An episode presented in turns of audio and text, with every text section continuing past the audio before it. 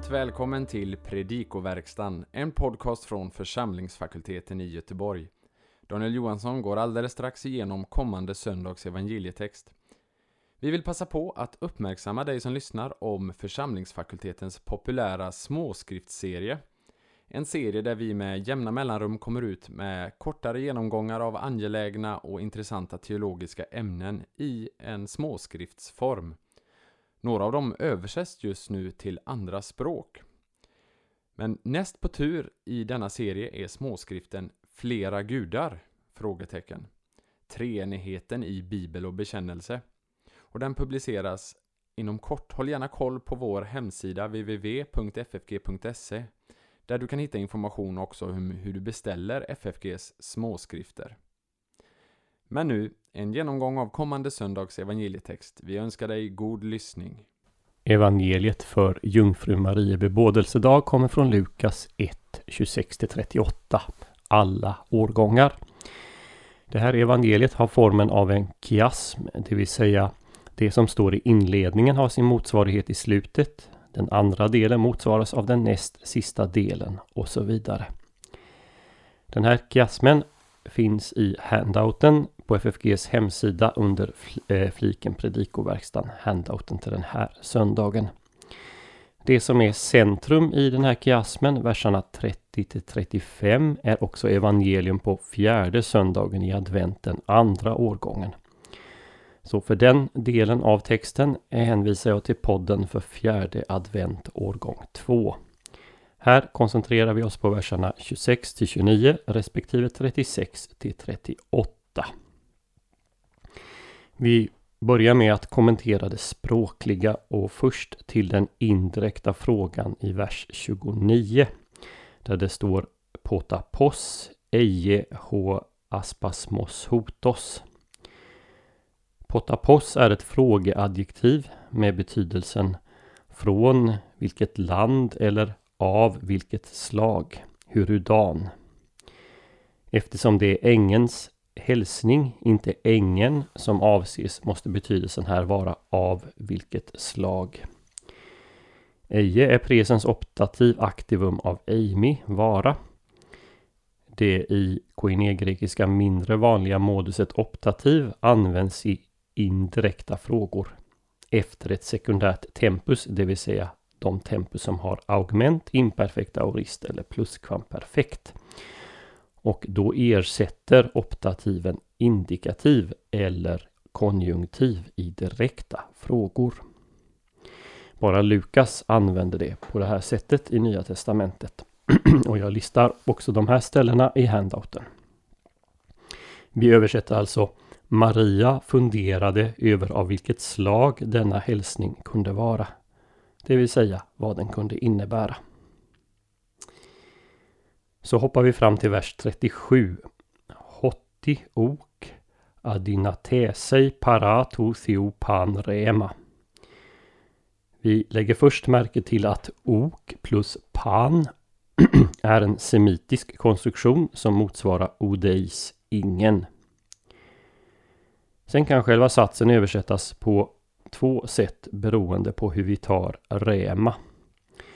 Rema betyder vanligen ord men i likhet med sin hebreiska motsvarighet davar kan det ha betydelsen sak också. Översättningar brukar ta det i den senare betydelsen. Ingen sak, ingenting är omöjligt för Gud. Futurumen adynatesei uppfattas då som gnomisk, det vill säga att den uttrycker ett generellt påstående. Adynateo betyder att vara utan kraft och i sin opersonliga betydelse, det är omöjligt. Tar vi räma i meningen ord och adynateo i meningen att vara utan kraft får vi Inget ord från Gud kommer att vara utan kraft. Sakligt är skillnaden lite men Gabriels försäkran är antingen en allmän utsaga om Guds allmakt eller en mer precis utsaga om att Guds ord går i uppfyllelse. Och så till sist här, eh, vers 38. Genoito moi kata toremaso. Det är den andra optativen i dagens text, genoito. Aorist optativ medium tredje person singularis av ginomai med betydelsen må det ske. Genoito är för övrigt den vanligaste optativen i Nya Testamentet, uppträder 17 gånger. 15 av dessa i formulering, eh, formuleringen med genoito hos Paulus. Må det inte ske, eller som det hette i 1917 års översättning, bort det. Vers 26 och 27 eh, ger oss bakgrundsinformation till det här avsnittet. Den sjätte månaden måste avse Elisabets graviditet som har omnämnts precis innan. Inte den sjätte månaden enligt den romerska kalendern. Gabriel är också omnämnd tidigare i evangeliet i 1.19. Eh, nu nämns för första gången Nasaret, Josef och Maria. Betydelsen av Gabriels namn är omdiskuterat. Det kan betyda Guds man, Gud har visat sig själv stark, Gud är min hjälte. Gabriel omnämns vid namn i Gamla Testamentet i anslutning till eskatologiska händelser. Daniel 8, 15-16 och Daniel 9, 21. I den judiska traditionen räknas han till den exklusiva grupp av änglar som står närmast Gud och som varierar från fyra enligt första Henoksboken 49 till sju stycken enligt första Henoksboken 20. Enligt Lukas 1.19 står Gabriel inför Gud och är sänd direkt från Gud för att framföra sina budskap. Maria är parthenos. Det grekiska ordet, samma som används i Septuaginta av Jesaja 7.14, betyder jungfru, inte ung flicka. Ingen av de 15 gånger ordet används i Nya Testamentet finns det något som tyder på att personen det avser inte skulle vara jungfru. Och den innebörden bekräftas också i Marias fråga i vers 34. Gabriels hälsning innehåller tre moment. Chaire, Ke charitomene och Hokyrios metaso. Vokativen chaire har förståtts på olika sätt. Det kan vara en semitisk hälsning som motsvarar arameiskans shelam eller hebreiskans shalom. Eller mer troligt Shaddai. Det kan också vara en semitisk uppmaning till glädje. Eller en grekisk hälsning som blivit en del av vardagen i Galileen. Ungefär som vi skulle säga hallå som kommer från engelskans hello. Verbet chairo eh, betyder ju jag gläd mig. I normala fall används dock infinitivformen chairein för att uttrycka hälsning. Det finns flera exempel på det här i Nya Testamentet, Apostlagärningarna 15.23 och 23.26, Jakob 1.1 och Andra Johannesbrevet 1.10-11. När infinitiv, eh, imperativformen används som här och den förekommer sex gånger i Nya Testamentet så tycks den återspegla ett semitiskt uttryck. Nu är det också så att Septuaginta eh, aldrig tycks översätta shalom med shaire utan då används istället eirene, frid. När shaire används i Septuaginta översätts hebreiskans sås gläd dig, jubla av glädje. Detta talar för att shaire uttrycker mer än ett var hälsad. Kanske gläd dig är en mer adekvat översättning. Ke charitomene är perfekt particip passivum av charito som betyder att skänka nåd eller benåda. Perfekt passivum innebär alltså att Maria har fått nåd från Gud, blivit benådad. Och Kyrios saknar verb. Betydelsen är antingen ett konstaterande att Herren är med Maria eller en önskan Herren vare med dig. Båda formerna förekommer i Gamla Testamentet.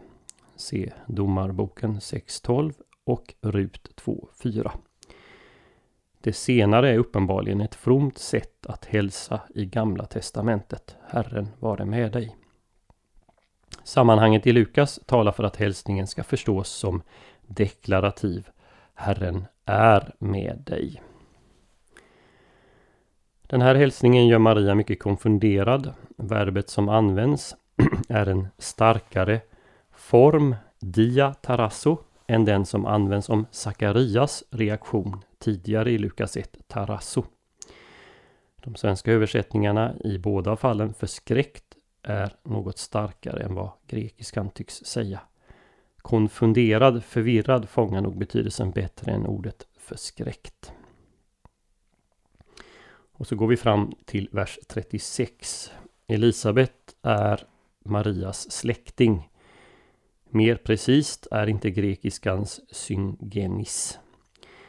Men eftersom Elisabet uttryckligen sägs vara av prästerlig släkt, Arons släkt enligt Lukas 1.5, innebär det att också Maria var av prästerlig släkt. Det behöver i sig inte innebära att Maria inte också skulle vara av Davids släkt. Hennes far respektive mor skulle kunna komma från olika släkter. Eh, lägg dock märke till att Lukas bara uttryckligen säger att Josef är av Davids släkt. För Gud är ingenting omöjligt, säger Gabriel till Maria. Det är sannolikt en anspelning på första Mosebok 18.14 eh, som är i stort sett identisk. Där säger Herren själv till Abraham att inget är omöjligt för honom när Sara tvivlar på sin möjlighet att få barn. Tanken på att inget är omöjligt för Gud är vanlig i Gamla Testamentet. Se till exempel Job 42.2, Jeremia 32.27, Sakarja 8.6 och senare här i Lukas evangeliet 18.27. Maria uttrycker med orden Må det ske med mig som du har sagt inte bara sin tro på att för Herren är även det som tycks omöjligt möjligt utan ställer sig också till hans tjänst som Herrens slavinna. Trots att hon måste vara medveten om att det som nu ska ske med henne både kommer att sätta relationen med Josef på spel liksom hennes rykte i Nasaret. Men hon tar risken att gå den väg som Gud genom ängeln Gabriel angett för henne. Så hoppas vi att denna genomgång får bli till hjälp och välsignelse för dig som har lyssnat. På vår hemsida www.ffg.se kan du hitta information om hur du kan stödja fakultetens arbete, bland annat som genom den här podcasten. Ett sätt att stödja är att skänka en gåva genom Swish. Församlingsfakultetens Swish-nummer är 123 100 8457. Alltså 123 100 8457. Mottagaren som anges är Peter Isak Bens utbildningsstiftelse. Märk gärna gåvan FFG Podcast om du vill stötta just denna podden. Så önskar vi dig allt gott och Guds välsignelse.